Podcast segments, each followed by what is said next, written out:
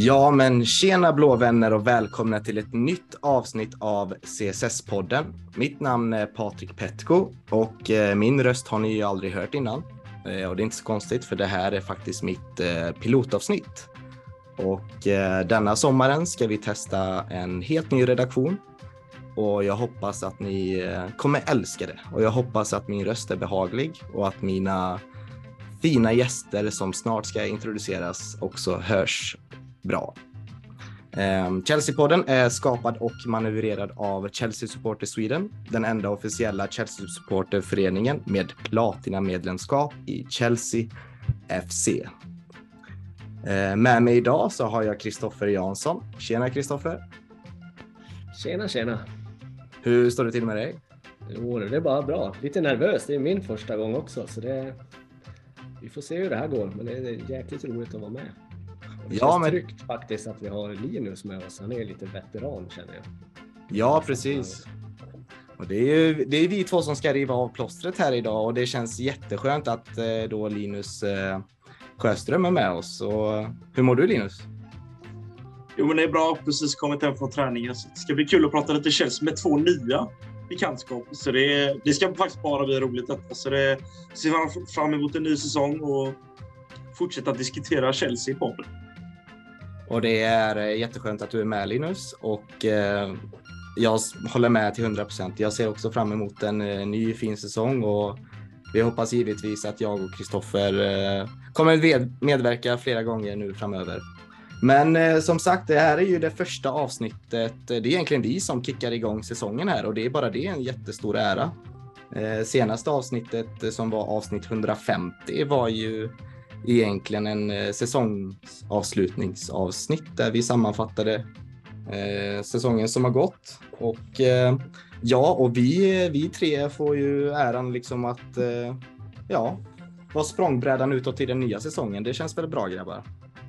Det känns kul att kicka igång nya säsongen framförallt för att det räcker med en vecka så är suget tillbaka. Och att få prata Chelsea i detta forumet är ju bland det bästa man kan göra tycker jag. Absolut.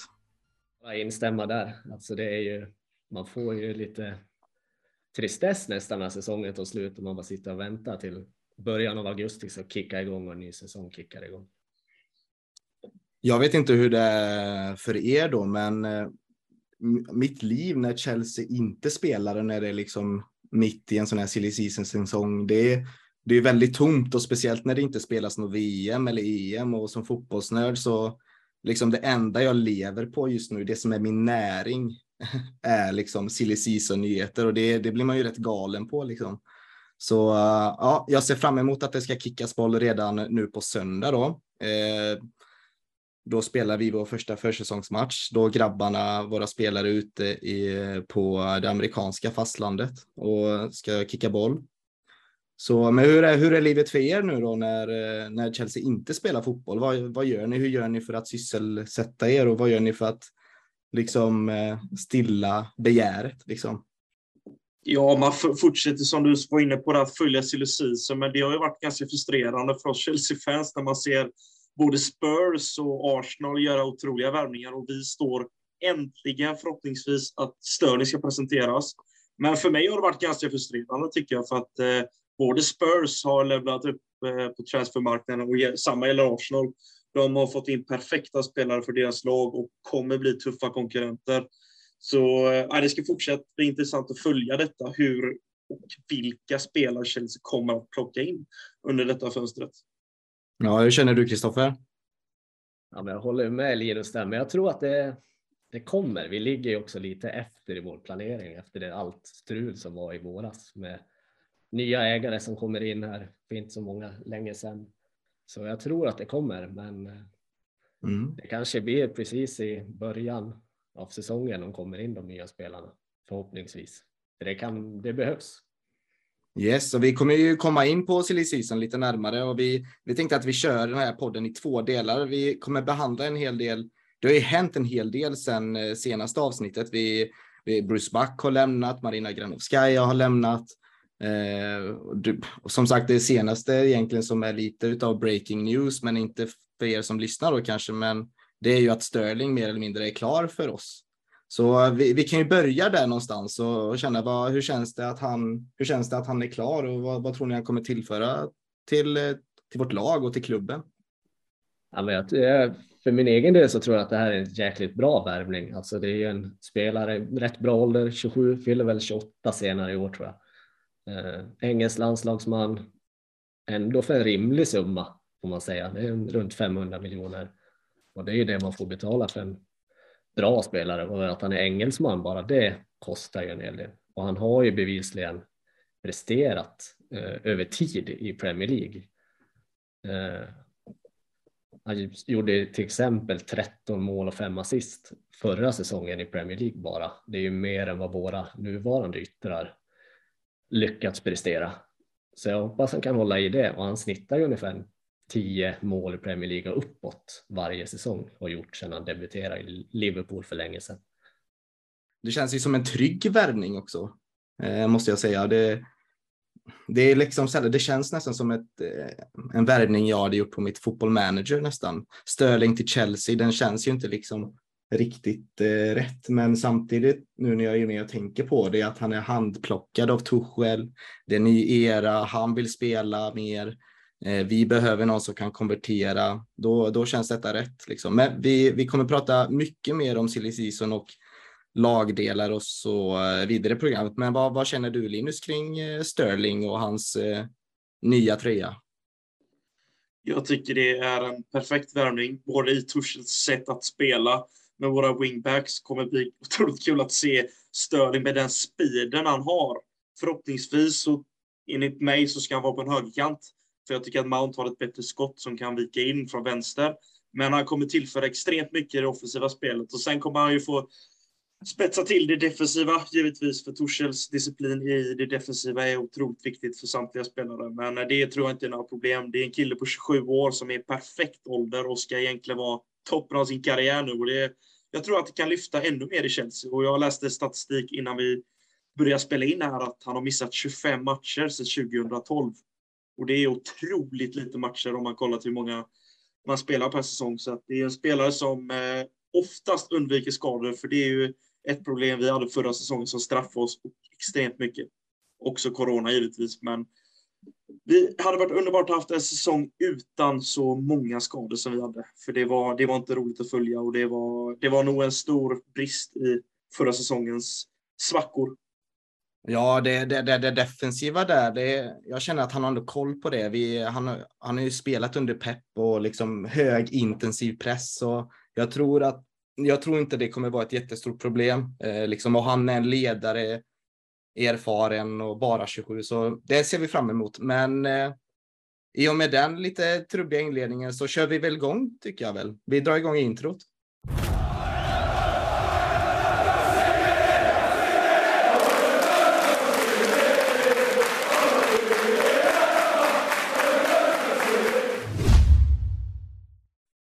Så grabbar, då har vi alltså nya ägare i klubben och eh, efter 20 år, 18 år, 18 år blir det nu, så har Abramovic lämnat klubben och vi har ju eh, någonting coolt att se fram emot. Vi har eh, en helt ny era och vi vet inte riktigt vart detta ska ta iväg.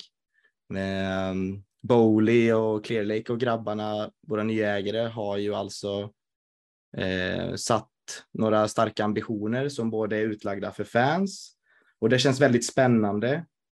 Och samtidigt känns det lite oklart vart Chelsea är på väg. Så jag tänkte, vad, hur känner ni? Alltså vi, vi supportrarna, hur ser ni på hela det här bytet? Det var ju kanske, det var det kanske förr eller senare att det skulle ske, men sättet det skedde på kanske inte vi behöver gå in på, utan vi pratar enbart framtid här. Hur känner ni kring den här nya eran? Liksom? Vad är det ni vill se och vad tror ni ägarna har för ambitioner? Ja, kollar vi till hur Turbo har startat den här eran så tycker jag det är väldigt positivt hur aktiv han är och så mycket han vill att kunna bidra till detta laget och göra det mycket bättre. Det känns ju väldigt positivt. För att kollar man generellt med amerikanskt ägda fotbollslag så har jag alltid varit skeptisk för det känns som att det handlar bara om business. Men i detta fallet så känns det som att de ambitioner han har kommit in till klubben är ju att utveckla damlaget, fortsätta utveckla akademin och göra vårt A-lag både på dam och herrsidan mycket bättre. Och det känns som att det är, det är en ägare som vill Chelsea väl. Och som vi ser att han är iväg på både i Barcelona och han, han far, och, far och flyger väldigt mycket just nu.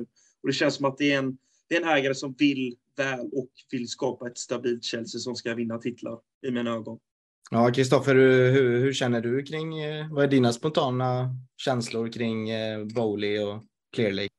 Ja, men det, det är en positiv känsla. Alltså det hade jag redan från start när man fick höra vilka som var med i budgivningen, att det här var, det var mitt val det här. Det var de som jag hade som favoriter redan då. Sen håller jag med Linus mycket det han säger. Eh, alltså det är bra målsättningar som de har gått ut med. Sen ska det ju bli väldigt roligt och spännande att se hur de bygger upp strukturen kring klubben med möjligen en ny sportchef som ska in eh, och allt där och hur, hur filosofin kring transfer ska se ut framöver. Där har han ju pratat lite om att han gillar Liverpools struktur och hur den ser ut idag. Eh, så det ska bli spännande och något som jag faktiskt tycker att vi kanske inte riktigt har haft sedan Roman kom in. Alltså vi har inte haft någon tydlig sportlig filosofi hur vi vill värva utan vi har värvat stora stjärnor lite när vi känner för det. Det känns kanske som att det varit lite toppstyrt. Sen kan man inte säga något om det. Det har ju funkat bra med många titlar under Romans tid. Så. Men ja, det ska bli spännande och det känns positivt så här i början och han har ju visat handlingskraft som Linus säger så det, ja, det känns bra precis som Linus och som ni båda är inne på där, att han, han reser runt och flyger runt och han, han håller ju på. Det är en ganska skör period där, för det är just nu vi någonstans etablerar en slags relation med honom för första gången som fans och fotbollsvärlden också eh, på samma sätt. Och han, han liksom tar middagar med Laporta och liksom, jag är bara lite rädd att eh, eller han har ju varit redo att investera i klubben förut och köpa den av Abramovic. Jag vill bara inte att han ska bli något, eh, ett meme, om ni förstår vad jag menar. Eh, jag känner att det finns, jag tror det här första fönstret är ganska viktigt eh, för honom och för klubben. Eh, sen eh, så att ni förstår vad jag menar. Jag, alltså det är inte så att han, han ser ut som en clown kanske bara för att han går runt och tar det. Men om, om, om jag bara säger, nu är det kanske en orättvis jämförelse då för att Abramovic när han kom in så var det ju det var ju på helt andra premisser och det var ju med helt annan plånbok och det, helt andra regelverk. Men bara Abramovic första säsong när han kom in då liksom det är Glenn Johnson, Jeremy, Damien Duff, Wayne Bridge, Veron, Joe Cole, Adrian Muto, eh, Hernan Crespo, Makelele och Scott Parker då. Han var ju väldigt ung. Men det, var, det kändes som ett sånt statement, en sån statement-sommar där. Och jag känner att nu med Rafinha får vi se hur det går. Men eh, jag är inte jättesugen på Rafinha nu när han verkar vilja gå till Barcelona, men det kan man ju förstå att han vill. Men eh, alltså budskapet han har gått ut till supporterna tycker jag är helt rätt och det, du är inne på någonting där Kristoffer, det med att det var mitt val och det, det känns verkligen som att det var supporternas val det här. Så eh, det, det känns bra, men jag, jag tänker inte liksom så här. Eh, jag, jag, jag, kan inte riktigt definiera den, eh, vad, vad, det är för typ, om det är den här typiska amerikanska ägaren. Känslan är ju att det inte är det. Men eh, vi får se helt enkelt. Men vad, vad, vad, känner ni kring det då, liksom med, med det här första, hans första impact den här sommaren? Vad, vad tror ni att han kan göra för, vad, vilka misstag och vilka bra grejer kan han göra denna sommaren tror ni? Ja, att det kan ju bli drastiska inköp i slutet på transfermarknaden när det är sista dagarna och Chelsea kanske inte sitter med så många spelare in. Så tror jag att det kan bli en och annan panikvärmning och det har vi sett genom åren. Det fungerar sällan för Chelsea. Det är bara att kolla Drinkwater, Sabacosta, två spelare som plockades in från ingenstans och gick det för dem. Båda slussades ut. Och, nej, men det bästa, som även Kristoffer varit inne på tidigare, är att vi får in spelare innan säsongen startar.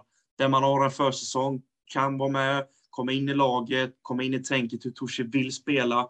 För kommer man in där när det har gått någon match eller två så tycker jag det kan vara mycket svårare att finna en plats i laget. Så jag tror att både för Tuchel och för Bowleys tillit från fansen eller för bästa start så tror jag att det är bra om vi får in spelarna innan säsongen drar igång. För eh, man vill inte stå där i slutet på fönstret och panikköpa. Det är inte någon klubb som vill jobba så och eh, då kan även prislappen sticka iväg. Så att nej, jag får hoppas att vi får in spelare tidigt nu och att Bowley får en stabil och trygg start, för det behöver han. För att annars, det brukar blåsa ganska ordentligt om vår klubb och det kan det göra om vi inte lyckas få in spelare nu framöver inom den närmsta tiden. Tror jag.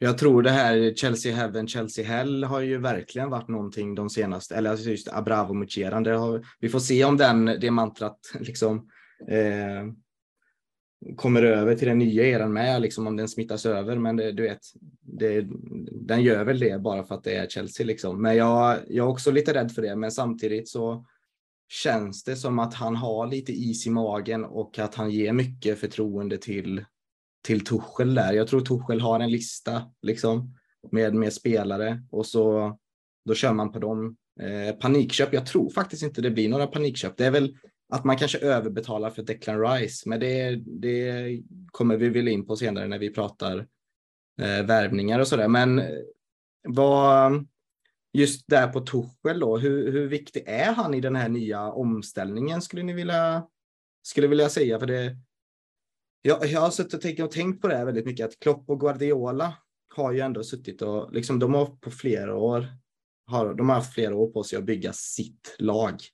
Liksom, Chelsea är just nu ett ihopkok av gamla Conte-spelare och Sarri-spelare och det är egentligen bara Lampard som fick sätta lite mer färg på laget och lite mer struktur med Mendy, Havertz, Chilwell och Pulisic och några till. Men det, det, är svårt att se en röd tråd och en filosofi som har legat till grund när vi gör våra värvningar. Det var du också inne på Kristoffer där innan att det är någonstans det jag kanske mest vill ha i, i, i vår klubb just nu, någon, en röd tråd. Och om det är det här moneyball alla Liverpool som vi ska köra på framöver, då får det ju vara det. Eh, sen om vi, vi supportrar har ju blivit lite bortskämda förra året med marquee signings. Så um, hur, hur, hur tror ni Torshäll står inför det här? Eh, liksom, har vi lärt oss att ha tålamod med tränarna som vi kanske inte har haft förr? Nu med Torshäll eller förstår ni hur viktig är han nu och, och kan vi supportrar liksom ha tålamodet? Vad, vad tror du Kristoffer om detta? Just nu tror jag att han är otroligt viktig för han är liksom, eftersom vi inte har någon sportslig ledning eller någon sportchef satt i vår eh, ledningsstruktur just nu så är det ju han som eh, liksom styr och ställer kring det sportsliga och vilka han vill ha. Eh, och det verkar ju som att Bowley lyssnar mycket på han och att han har ett sista ordet på alla värvningar som det verkar i alla fall. Sen får vi se. Så jag tror att han är otroligt viktig nu och som du var inne lite på eh, City och Liverpool, de har ju haft sina tränare länge. Eh, de har satt sin filosofi, sin spelidé och sen värvar de spelare utifrån den. Eh, och det känns som att det är lite dit jag gärna skulle vilja att vi kommer också. Men då krävs det också att vi kanske har tålamod att det blir en mindre bra säsong ibland. Och det har ju inte vi haft Eh, de senaste 20 åren utan då har ju tränaren fått lämna och så har vi tagit in en helt annorlunda tränare nästan. Eh, men jag tror att Bowley kommer att ha mer tålamod än vad vi haft tidigare och att Tuschel kommer att få sitta kvar ett tag. Eh, och jag hoppas vi fans också har lite tålamod för jag tror inte det här är, vad ska man säga, det kommer att ta tid liksom att sätta allt sportsligt runt om Tuschel också och laget. Så vi får ha lite tålamod. Jag kan bara instämma när det ni båda varit inne på. Det jag tycker det också var ett tydligt tecken förra säsongen var när det blåste som mest. Vi stod utan ägare. Det var mycket coronafall och eh, Torse stod där och höll uppe allting. Tyckte han var som eh, en gud för oss. Att, eh, ja, men han sa det. Då får vi ta bussen till matcherna. Och eh, ja, det, jag tyckte han var en så tydlig pelare för att jag är här för att stanna. Och alltid öste på med det Eh, positiva som fanns att säga, trots hur läget såg ut utan ägare. Tyckte alltid han bjöd på ett smile och han bjöd på någon slags framtidstro för oss fans att det här är en, jag är här för att stanna och jag vill bygga mitt Chelsea. För han vinner Champions League och får givetvis fortsätta och vinner Supercupen och klubblags-VM, vilket gör att vi är en av de fem klubbar som vunnit samtliga titlar. Jag menar, han har ju kommit in på bästa möjliga sätt och jag ser ingen annan tränare i världen just nu som skulle gjort det bättre i Chelsea än vad han gör det. För att så han har formerat om detta laget och skapat en helt annat sätt att spela fotboll eh, trodde jag inte skulle gå på så kort tid som han har lyckats. Så ger man inte den här mannen lång tid, då tycker man att man gör ett stort tjänstefel som ägare. Och det tror jag att Todd Bowley är ganska medveten om att han vill ha Tuchel. Annars hade han aldrig blandat in honom på det sättet han verkar göra med spelarna som ska in och ut klubben. Så att det känns som att det, det är bra sammanhållning mellan de två och det behövs. För nu i början behöver vi få in de här spelarna. Och Störling är en grym start på detta och jag tror att Torshäll är den rätta vägen som vi alla tre är eniga om. Så nej, jag, jag ser bara positivt just nu gällande både Torshäll och Todd Bowleys sätt att vilja utveckla detta laget. Ja, jag, jag tror det är en nyckelfaktor där med, det, med att eh, just när det stormade som mest så var han egentligen bara ditsatt som ansiktet utåt, helt eh, provocerat fram egentligen och han skötte det så himla bra. Han har ju blivit applåderad av eh, många journalister runt om i världen hur bra han har hanterat det. Så bara utav det så förtjänar han ett, kanske ett två eller treårskontrakt bara utav hur han har agerat i våras. Eh, ett enormt ansvar. Eh, och med spelare som eh, med kontrakt som löper ut och ja, han har nog försökt hålla alla glada med. Så en, en stark ledare och han införlivar en trygghet och förtroende som eh, ja, det var länge sedan jag hade det för en, för en tränare om jag ska vara ärlig.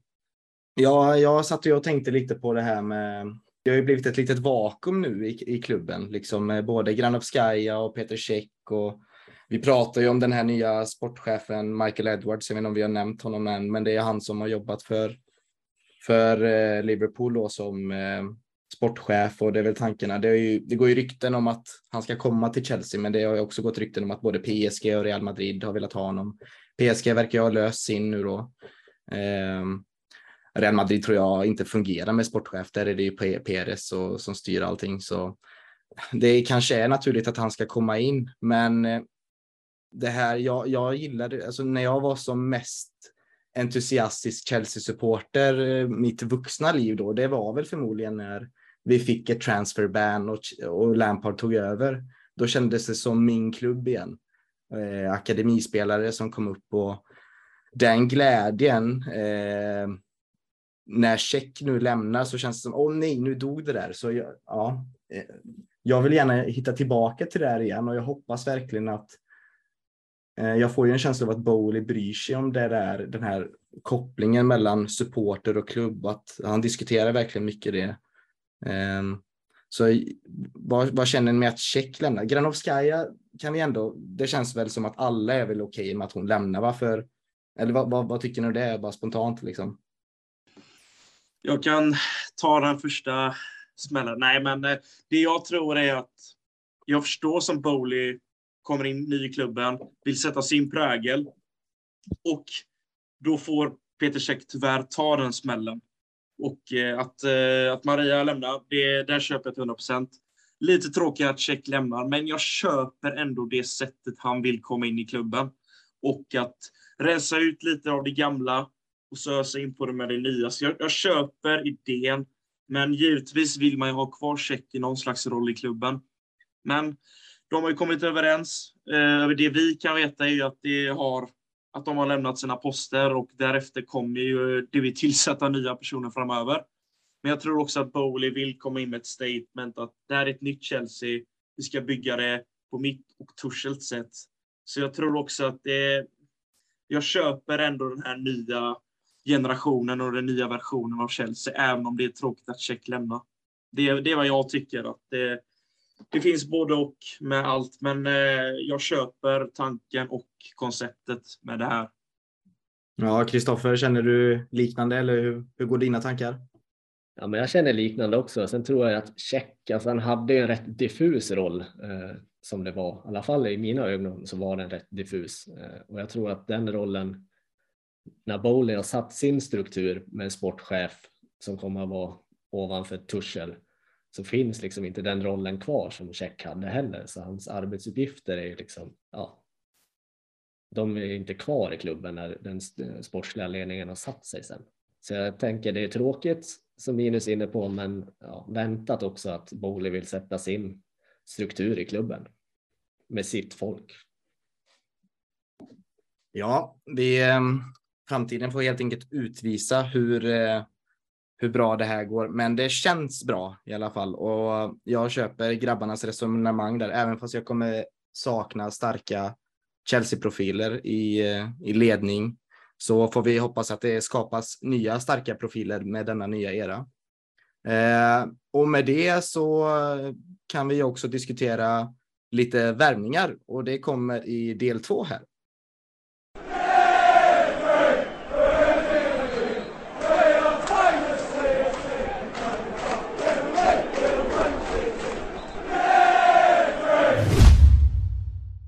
I asked you to describe a player who's won four Premier Leagues, four Carabao Cups, an FA Cup, and scored over 100 Premier League goals as a winger at only 27, the word you'd think of is world class. Until I tell you that that player is Raheem Sterling. See, with Sterling, the disrespect is real. Tap in merchant, system player, Pep made his career. But I think all of that's a myth. I mean, just think of the catalog of world class players Pep has managed in his career. There's a lot, right? Now, how many of those players have scored more goals than Sterling? Just two Sergio Aguero and Lionel Messi. Now, how many have assisted more than him? Just two Kevin De Bruyne, and, well, but if your response to that is that it's so easy to score for City, then why haven't others done it better than him?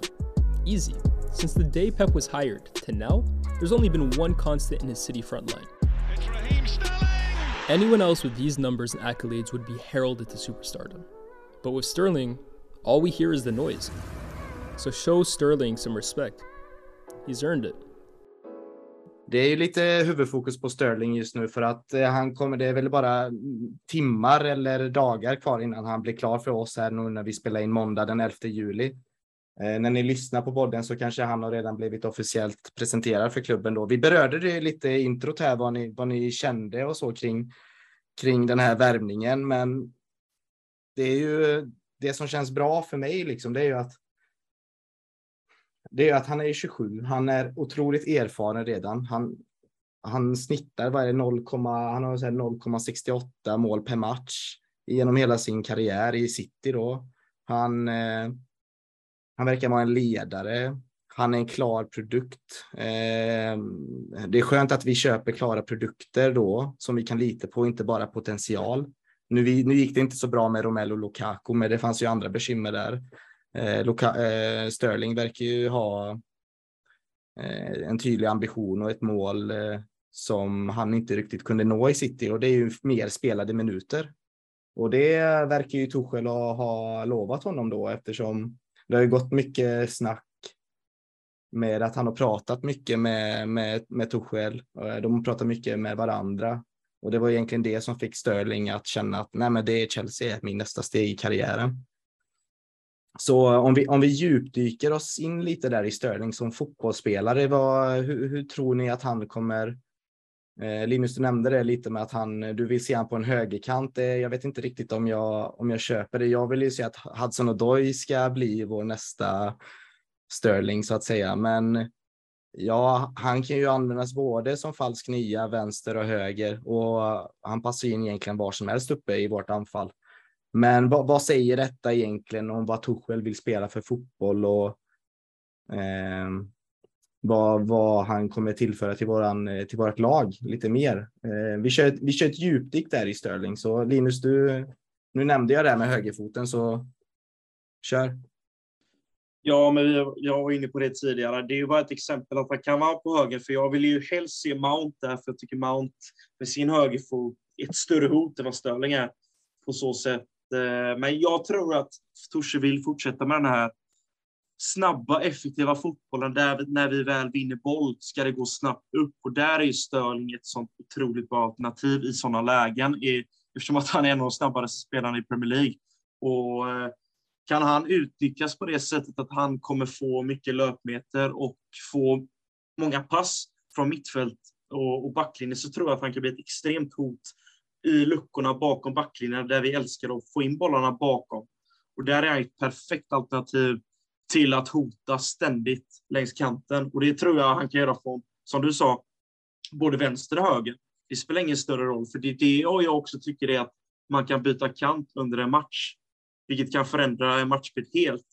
Och där tror jag att både Mount, Pulisic, nu får vi se vilka som åker ut och vilka som kommer kvar, men Ziyech är också ett alternativ. Och Hudson Odoi såklart. Eh, där vi kan under en match byta kant och det tror jag är en stor fördel till att vi kan ha sådana spelare som kan matchas på både vänster och högerkanten. Och det har vi sett flera gånger under matcher med Chelsea att Torsi lilla rotera och det gör han även under match. Så jag tror att Sterling kan användas på många sätt, även som en falsk nia. Kan ligga längst upp egentligen och hota. För vi vet ju att han gör otroligt mycket mål och har eh, bra statistik från City-karriären och även från Liverpool. Så att eh, det är en spelare vi kommer få in som vi vet vad man kommer få av. Speed och poäng. För det har han gjort och det är en sån vi behöver. För kollar vi de senaste säsongerna så har vi tyvärr inte Werner, Hudson Ndoy, Ziyech levererat på det sättet vi behöver. För det saknas det mycket poäng, för Mount fick stå för mycket av det senaste säsongen och vi behöver fler spelare som vi kan slut dessa poängen på. Annars kommer vi inte kunna vara med och hota allra längst upp. För det, då behövs kontinuitet och mycket poäng och det tror jag vi kommer få med Sterling. Så det, det är ett otroligt bra alternativ vi har lyckats få till oss. Det är inte bara Chelsea som eh, behöver en sån spelare i mina ögon. Det är en spelare som kan matcha de flesta lagen i hela världen. Och, det, och han är underskattad och eh, kommer passa in bra i Torshälls Chelsea, tror jag. Utan tvekan. Och sitter man och säger det på förhand, men eh, jag, tror detta blir, eh, jag tror detta blir bra och det är en bra prispeng också. Det är inte för mycket pengar för en spelare som är 27 endast år. Känns som att har varit med sedan långt bak i tiden. Men ja, jag är positiv inställd och det hoppas jag också ni är, men man vet inte. Det är ju en, hel, det är en väldigt oväntad eh, värvning om inte annat. Det hade du sagt till mig för ja, tre månader sedan att vi Sterling kommer spela i Chelsea nästa höst. Då hade jag inte riktigt trott på det, men eh, it makes sense att de säger och jag får ju lite. Jag vet att det här är stora ord nu, men jag får ju lite hasardvibbar. Eh, det känns som en kille som bryter mönster. Han, vinner, han har vunnit flest straffar av alla i Premier Leagues historia, kollade jag upp. Det är en ganska sjuk statistik. Eh, och han, eh, jag vet inte, han bryter mönster mycket och jag gillar att han går en mot en. Pulisic försöker, han klarar inte av det. Hudson och Doy har, behöver det lilla, lilla, lilla extra.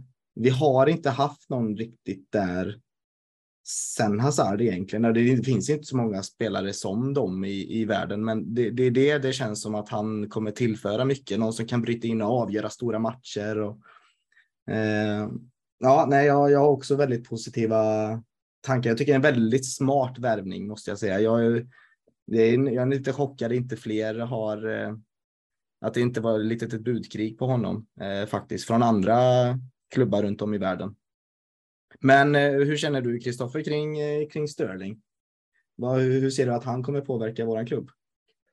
Ja, men jag tror lite som Linus var inne på så tror jag faktiskt att Tuchel också vill ha väldigt rörliga eh, topp tre där som man kanske byter kant. Även Havertz som har spelat mycket falsk nia kan gå ut och spela en kant så att man under matchen liksom roterar runt där en hel del. Eh, sen tror jag faktiskt vi kommer att vara lite frustrerade på Störling också. Han bränner ju otroligt många bra lägen. Jag tror han har bränt 12 big chances förra året bara. Så eh, vi kommer nog att rycka våra hår även när han drar en Werner miss nästa säsong. Visst känns det lite som att det har blivit det han tyvärr identifieras med? Ja, lite för mycket faktiskt tror jag. Eh, och det är kanske är därför han eh, ses lite som underskattad eller överskattad. Eh, att han just bränner de här klara lägena. Sen kan man ju se det så att han kommer till otroligt många lägen för han gör ju mycket mål och assist ändå fast han bränner de här. Förhoppningsvis kanske han sätter de här i vår klubb och då har vi ju en 20 målsskytt liksom. Ja, det, det pratas ju väldigt mycket om att Sterling också är en stark eh, ledare i omklädningsrummet och med tanke på att eh, Rudiger har lämnat och eh, det pratas om att eh, vår kära kapten eh, Aspilicueta kanske lämnar. Så starka karaktärer och ledare i omklädningsrummet. Eh, det kryllar inte av dem skulle jag nog vilja säga, utan det, det kommer nog tillföra mycket där med. Jag tror även att om man kollar till Werner versus Sterling så är ju att Werner gör inte mål som, eh, Sterling gör. Och det är nog det som också gör, som Kristoffer var inne på, att han skapar otroligt mycket. Det gör ju Werner också. Men Sterling får ut poäng av det också. Även om han missar så han ju räddas upp genom att, det är bara att kolla statistiken, han är liksom topp tre genom historien gjort mest mål i City. Liksom. Det är en spelare som vet vart målet är, även om han bränner mycket, så får han ju poäng av det. Och då är det i slutändan, då går det inte att klaga på att visst, han bränner med lägen, men poängen är ju där och det är det vi saknat. Sen eh, vi gjorde den här stora värvningssommaren under Lampard där, när de här spelarna kom in och man trodde att det skulle bli väldigt mycket poäng, men det blev nästan tvärtom att eh, det blev otroligt få poäng på så många spelare och då vinner man inga titlar. Det, så är det bara. Det, Mount vet vi, det är en spelare som levererar poäng. Vi behöver fler spelare som honom och även Hudson Endoy som vi kommer komma in på. Det är en spelare som måste steppa upp för han har fått så många chanser och det känns som att en sån spelare att han har varit lovande i så många år. Det, ja, jag köper snart inte det längre för det, nu börjar hans chanser bli färre och färre. Men den försäsongen han har stått för med både hårdare träning och gick på träning väldigt tätt in på säsongsslut lovar ju gott och det känns som att han har inställningen till att förändra hans tidigare form. Ja, vi kommer ju gå in där på Kalle Hudson-Odoi. Jag, jag kände att jag ville prata med honom. Det känns som att vi fansen behöver prata om honom och lite hans framtid. Men vi, vi lämnar Hudson-Odoi där ett tag och eh, försöker runda av det här med, med Sterling lite. Det är någonting som är när, eh, kanske som inte vi tänker på mycket, det är ju att han är en Premier League-spelare. Vi har ju värvat mycket från utlandet och från Tyskland nu det senaste och han är ju en beprövad Premier League-spelare. Han, det här är inget nytt för honom. Det enda han byter bara omklädningsrum. Han byter inte land. Han kommer ju känna många redan i, i klubben, i Mason Mount, Loftus-Cheek, Hudson-Odoi, Rhys James, eh, Chilwell. Det är många som han spelar med i landslaget redan. Um, så, så jag tror övergången rent mentalt kommer inte vara lika, lika långt som eh, det har varit för våra andra värvningar. Så det, det är också ett stort plus. Man älskar ju lite att han är engelsman också. Det gör ju det lite roligare.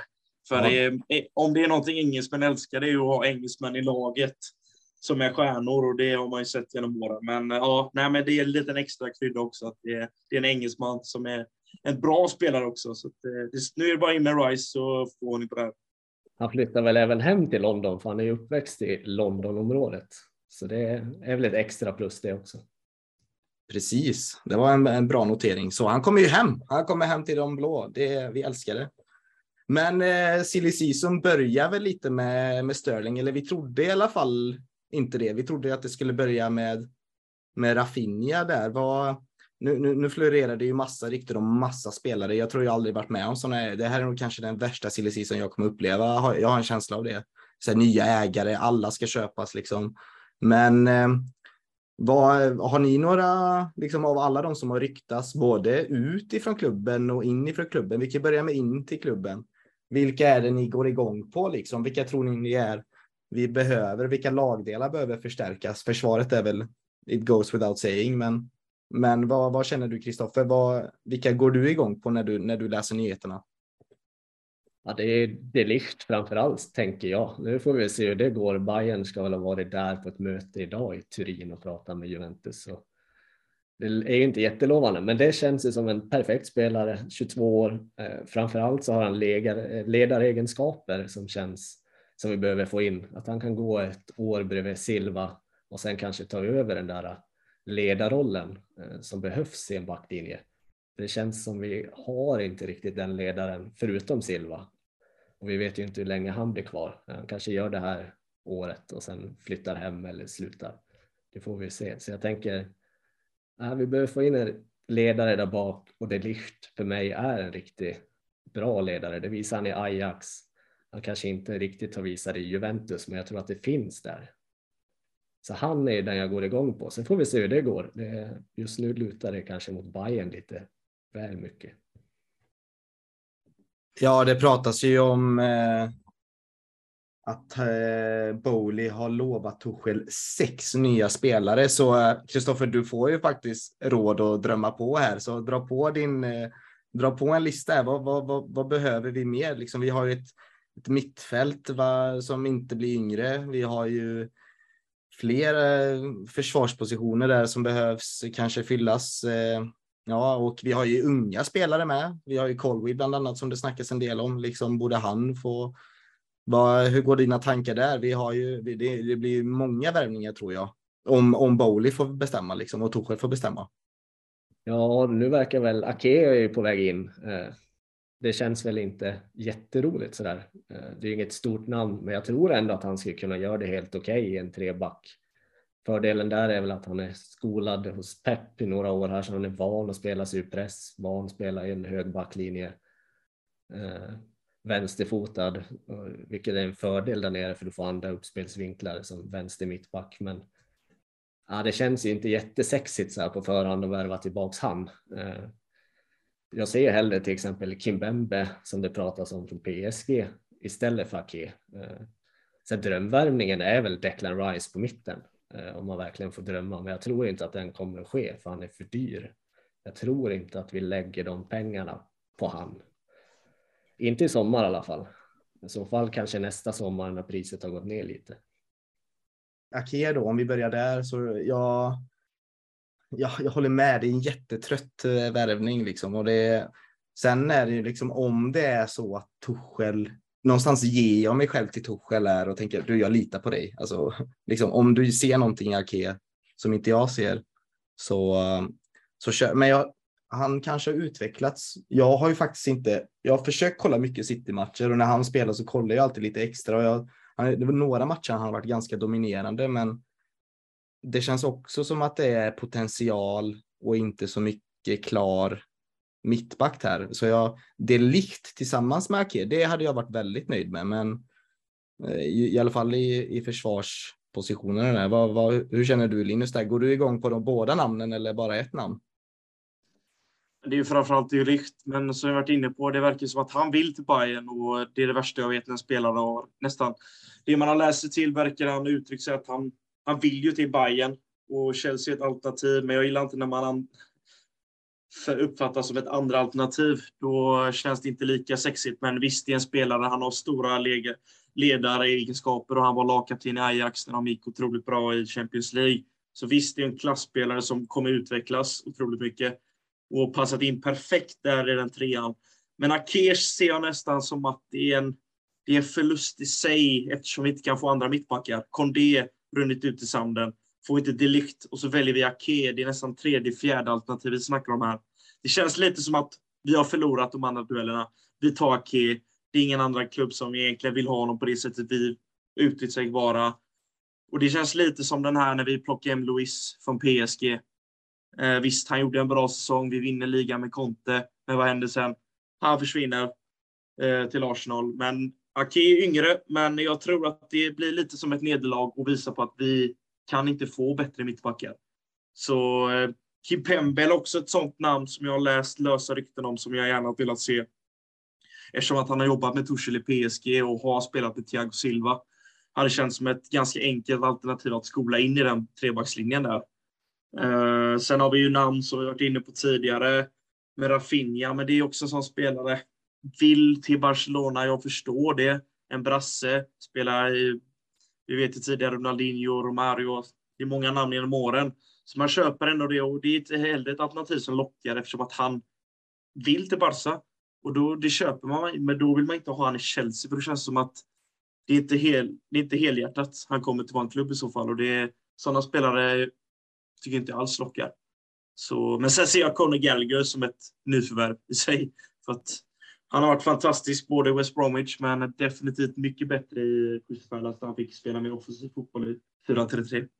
Ja, och här känns det som eh, så här, det känns som att vi håller på att gå in i den här eh, fällan nu när vi, vi är så vana och liksom kanske får de spelarna som vi, inte vi vill, men oftast den, de spelarna som klubben vill vi lyckas ändå på något sätt. Och I och med att vi kanske ska ha den här nya Moneyball-filosofin eh, så känner jag nu måste jag som supporter ha tålamod här. Om Klopp hade värvat eh, Nathan Ake, då kanske vi hade sagt ja, det var ett bra köp och det, så kommer det säkert visa sig att han gör en toppensäsong för Liverpool.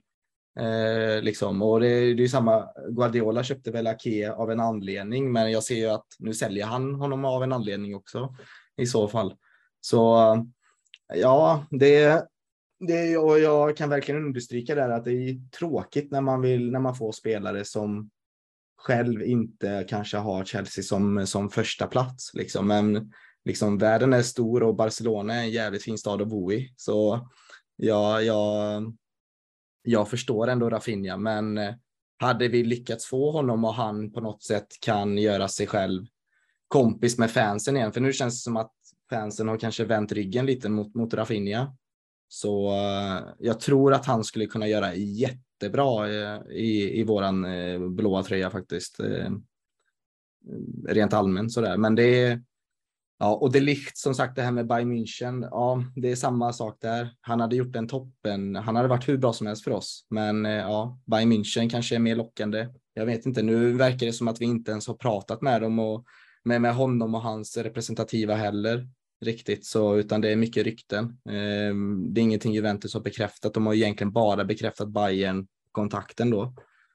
Så ehm, ja, vi får se det. Men har ni, är det någon av de här, är det någon drömvärvning ni har eh, denna sommaren? Eller, liksom, jag har ju, jag nämnde det tidigare, för mig är det ju utan tvekan Declan Rice och skulle, jag hade inte varit jag hade varit redo att spendera hela sommarens budget på honom. Jag tror det är verkligen en sån spelare som är bra nu och bra för framtiden och bra för klubben och, och så. Vad, vad, har ni någon drömvärvning?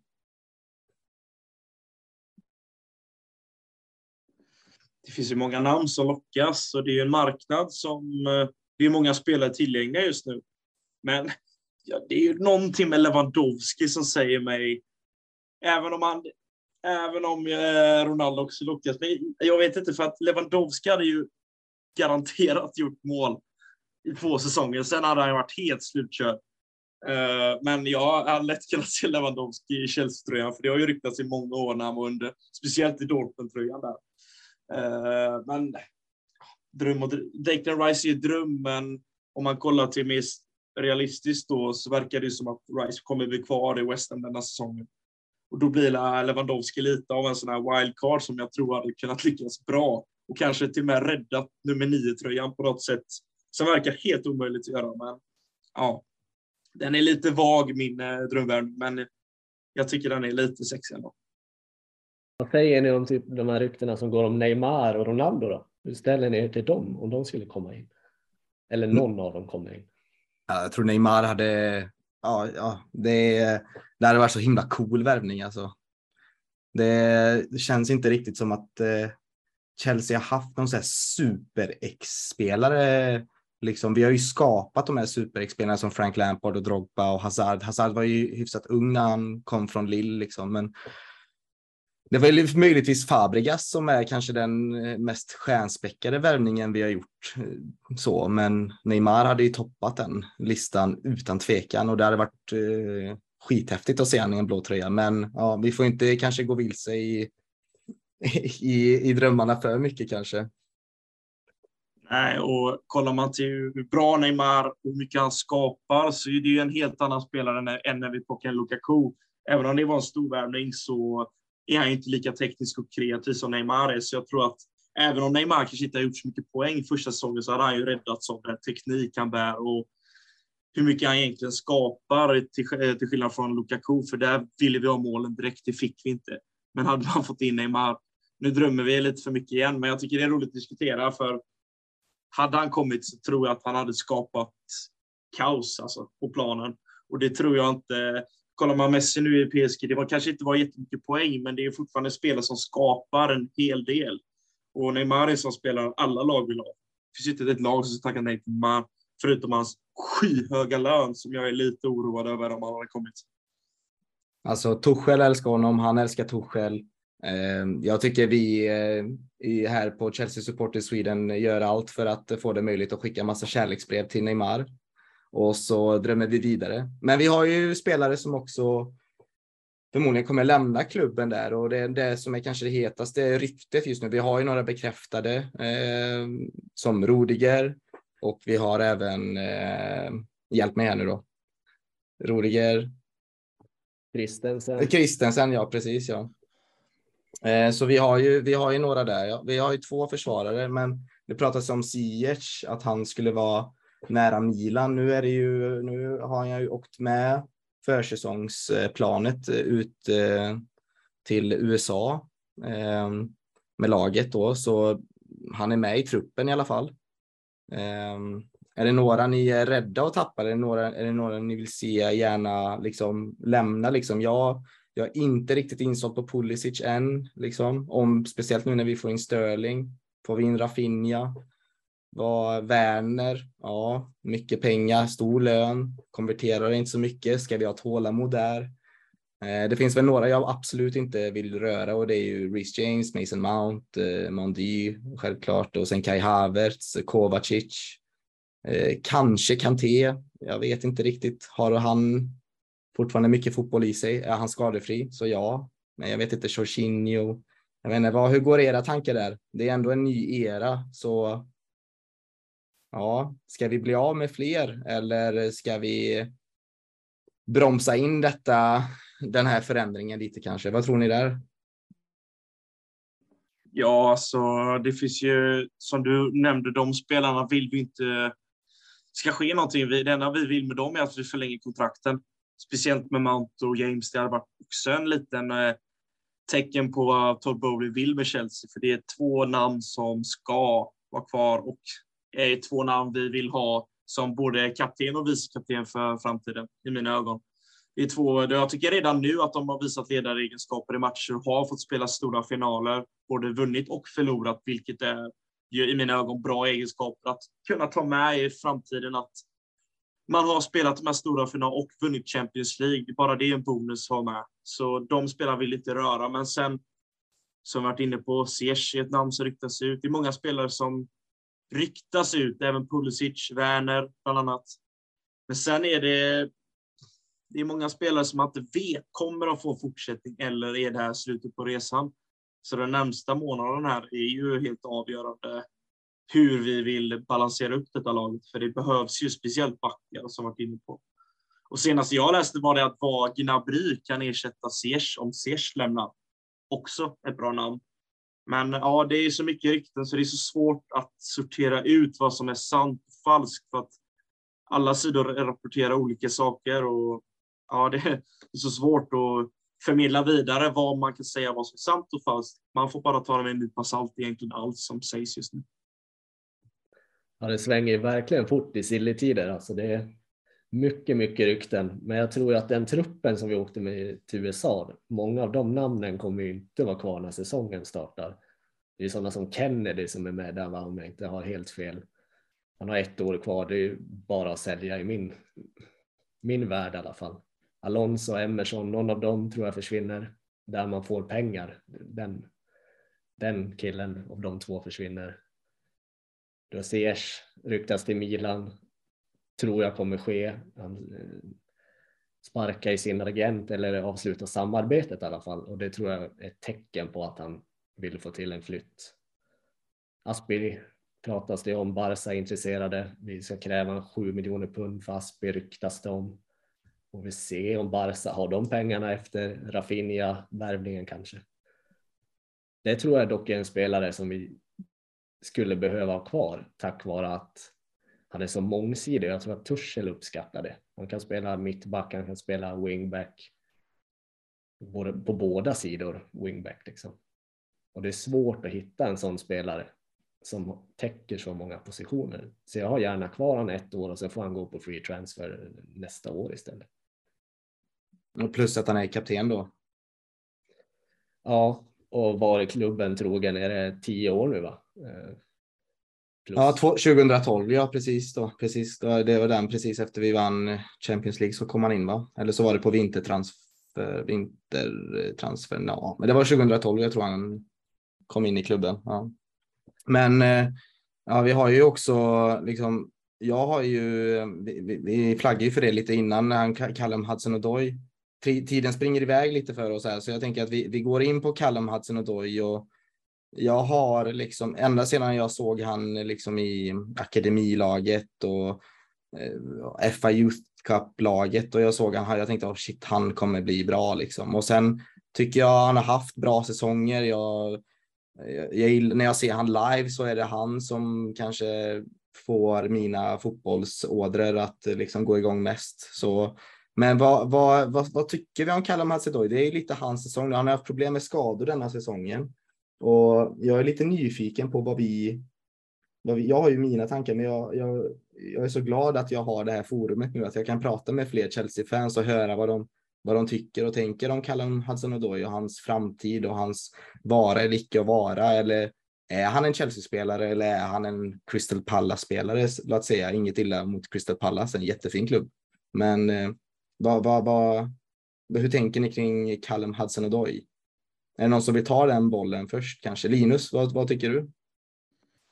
Ja, om man tänker efter så är han ju en av de spelarna som kom upp först om Mount, Tame Abraham, eh, Tomori, Chaloba. Han var ju med i det där ungdomslaget också och kom upp väldigt tidigt i A-laget under Conte speciellt där och fick chansen och gjorde det hyfsat bra. Men då var det fortfarande här lovande spelare. Men det har ju varit nu sedan dess och det, det är där tålamodet hos mig har börjat ta slut för det är för många chanser där han gör liknande juniormisstag på gång på gång, vilket gör att jag inte ser honom som en spelare som jag kan tillit till att starta en fa kuppfinal en Champions League-final och vara med i de här största matcherna från start. För det är ingen spelare jag ser just nu.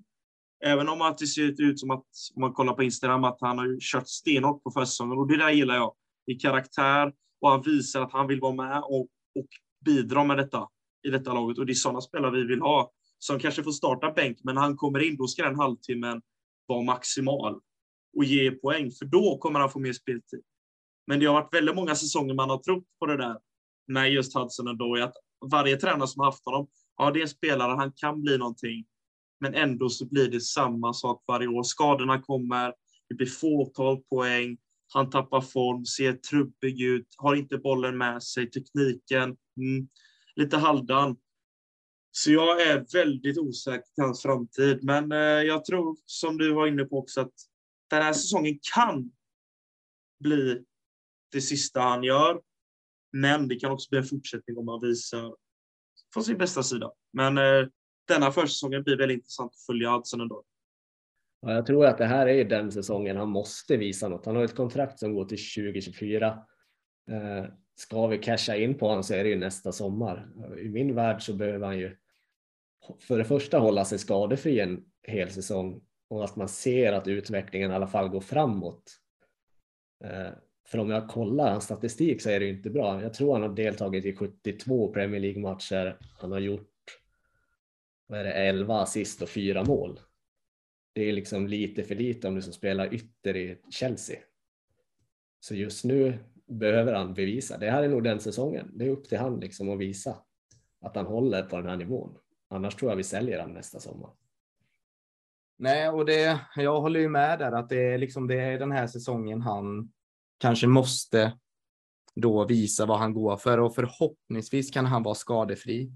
Um, han spelade ju mycket i höstas innan han blev skadad. Han fick ju mycket speltid och Tuchel gillar ju honom. Jag minns det här klippet. Det var precis efter en, en slutsignal så såg jag hur Tuchel sprang fram till honom och dirigerade med händerna och liksom eh, ville nästan matchcoacha honom efter matchen.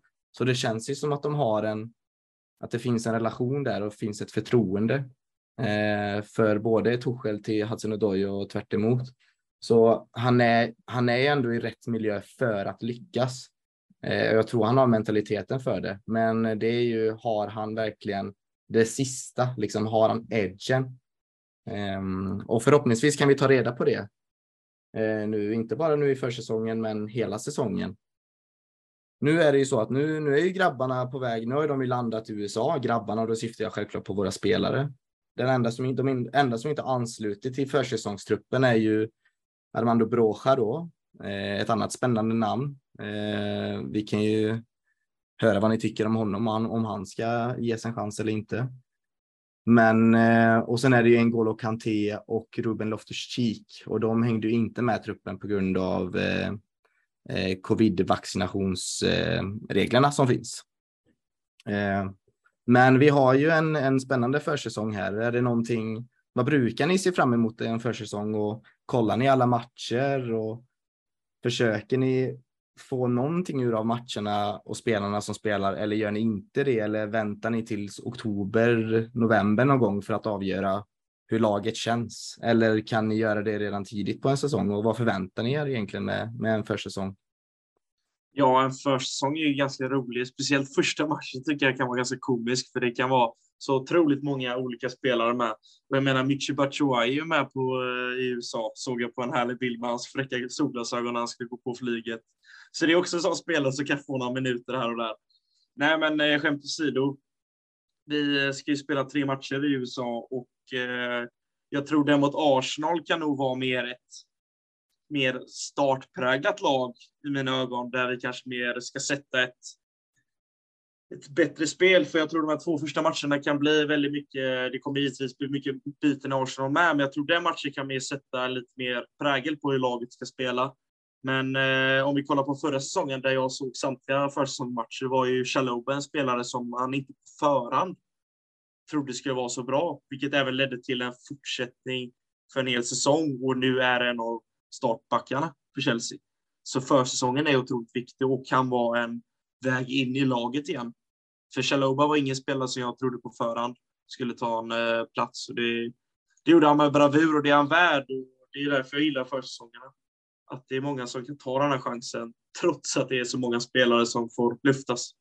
Och det var ju precis det med, du nämnde ju det med, med Conor Gallagher. Han har ju, han kan ju verkligen visa upp sig nu på försäsongen och Armando Broja som kommer, kommer ansluta laget om en vecka är också en sån. Han kan ju göra mål. Sen hade inte han en jättebra vår, men alltså han rör sig bra i boxen och är lite hård och så. Han kan också visa upp sig fint där. Billy Gilmore. Ja, ska han ta över efter Jorginho? Är han redo för det? Det tror inte jag. Sen har vi Colwill då, som har varit spännande och gjort en jättebra säsong. Eh, ja, så vi har ju många unga fina att spela på och det Ja, men jag brukar också ha det. Jag vet inte om det var det du sa med andra ord, men eh, ja, det är där mitt huvudfokus brukar ligga egentligen. Det är väl de unga spelarna och kanske lite hur Tuchel vill sätta laget kanske. Ska vi stanna med vår 3-4-3 eller ska vi experimentera med någonting nytt? Sånt är ju intressant att se. Eh, vad ser du fram emot, eh, Kristoffer? där?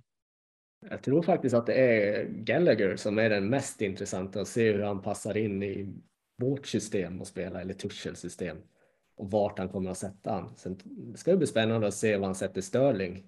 Sätter han han till vänster eller höger eller falsk nia? Nu får vi kanske se det först mot Arsenal. Då kanske han är med i truppen och redo. Men det ska bli spännande att se. Sen är det de här unga som alltid är roliga att se och se om de tar chansen liksom, eller har tagit klivet eh, när de har varit utlånade. Så Colwill, jättespännande att se. Hoppas han tar chansen. Jag hoppas att han får vara kvar i truppen också. För han kommer att få matcher, i alla fall i ligacupen och kanske någon rotationsmatch i Premier League om han är kvar. Sen beror det på vad han vill också. Om man vill ha en sån roll eller inte. Men han blir spännande att se. Gött, men då, då känner jag att vi ska avrunda här. Jag, jag känner det är en ny säsong, men nu fick vi äran att starta det här säsong 22-23 blir det. Herregud vad tiden går. Men 22-23. Eh, ny spännande försäsong. Säsongen ny era. Eh, har ni några liksom sammanfattande ord med eh, vad vi borde, hur, vilka känslor vi borde gå in med? Liksom? För mig är det eh, nyfikenhet, alltså entusiasm och jag är eh, väldigt taggad. Jag får lite den här känslan jag fick när Lampard kom och tog över. Det känns fräscht och det känns nytt. Och Ja, jag ser verkligen fram emot eh, eh, Chelseas framtid och vår framtid som supportrar. Eh, och jag, det ska bli kul att se vad som händer med arenabygget och det finns så mycket grejer som är som vi kommer ha tid att prata om. Så vad, vad känner ni om ni om ni vill sammanfatta era era känslor nu med starten på eh, den här säsongen? Eh, jag skulle nog beskriva det i tålamod eh, framtidshopp och eh, glädje. För eh, det är alltid roligt att följa Chelsea på alla sätt, för det, det stormar alltid och det är alltid nyheter. Och nu förhoppningsvis kan den här stormen med allt med ägarbyte och allt vad det heter kan lägga sig nu och vi kan fokusera helt på att bygga ett lag för framtiden och för att Torshäll även får stanna bra länge. För det här är en tränare som jag ser många år framöver kan leda detta laget till nya histor ny historia och eh, många nya titlar in till troféskåpet. För det ska bli trångt om några år tycker jag. Ja, det ska bli otroligt spännande den här säsongen och framförallt med Bowley och de som styr klubben nu. Vart tar vi vägen? Det är ingen som vet. Och lite som Linus är inne på, ha tålamod där. För jag tror att det tar ett tag innan de har sett sin prägel på hela, hela klubben. Men otroligt spännande vart vi tar vägen nu när de kommit in. Ja, då mina fina blå vänner, då är det med de eh, eh, fina orden som genomsyrar hopp och eh, tro på någonting nytt eh, vill jag tacka för att ni har eh, lyssnat och jag vill tacka dig Kristoffer och eh, supersnyggt jobbat eh, som eh, första gångs gäst här. Eh, jättekul och hoppas du kan vara med mer framöver. Ja, tack så mycket. Det var väldigt roligt att sitta och prata med er. Eh, så tack så mycket att man får vara med. Och eh, tack till dig också Linus. Det var väldigt tryggt att ha med dig här. Du gav mig mycket eh, tummen upp och du, du, du, styrde mig och hjälpte mig under hela gången så jag har känt mig trygg att ha med dig. Så tack för att du var med denna gången. Tack så jättemycket. Nej, men det känns jättebra. Det, vi har fått in två nya härliga nyförvärv så jag känner med bra energi och bra röster också att lyssna på och diskutera med. Så jag känner även framtidshopp för denna podd. Det, kommer bli, det kommer bli grymt tror jag, absolut. Det, det känns riktigt roligt att vara igång också. Även, men nu har man bara suttit framför telefonen och på jobbet och diskuterat detta, så det är kul att få diskutera med folk som håller på samma lag också. Jag håller verkligen med. Och det är ju som sagt en ny era och vi kommer, ni kommer även eh, höra eh, nya röster framöver och det ser vi också fram emot. Eh, men eh, jag och eh, Patrik då och Kristoffer eh, känner oss nöjda med denna debut faktiskt. Får vi se om vi kan ta en plats i elvan framöver. Eh, eh avslutningsvis vill jag påminna att eh, följa oss på sociala medier. Det är supporterföreningen Chelsea Supporters Sweden som står bakom podden Eh, man behöver inte heller vara medlem för att stötta föreningen utan man eh, kan ta del av vårt ideella arbete genom att eh, följa oss på sociala medier, kommentera, gå med i Chelsea-poddsgruppen, CSS-podden heter den. Var aktiv, dela med er. Åker ni iväg på matcher så skicka bilder. Ehm, det viktigaste är att ni, ni stöttar föreningen, det hjälper oss bäst. Ehm, I övrigt kan jag också rekommendera att ni besöker våran Svenska fans-sajt eh, då på www.svenskafans.com England Chelsea.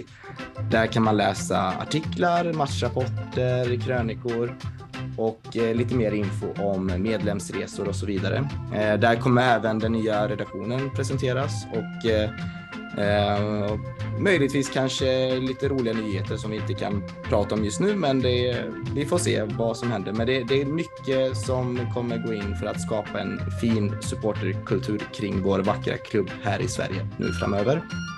Eh, och med det så sätter vi punkt. Så stort tack för att du har varit med och lyssnat.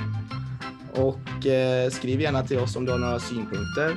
Och eh, hoppas ni väljer att komma tillbaka och lyssna på oss. Mitt namn är Patrik och eh, det enda, det sista jag vill säga är ett stort och ringande tack till dig som har lyssnat. Så puss och kram mina kära fina blå vänner. Så ta hand om er. Up the Chelsea.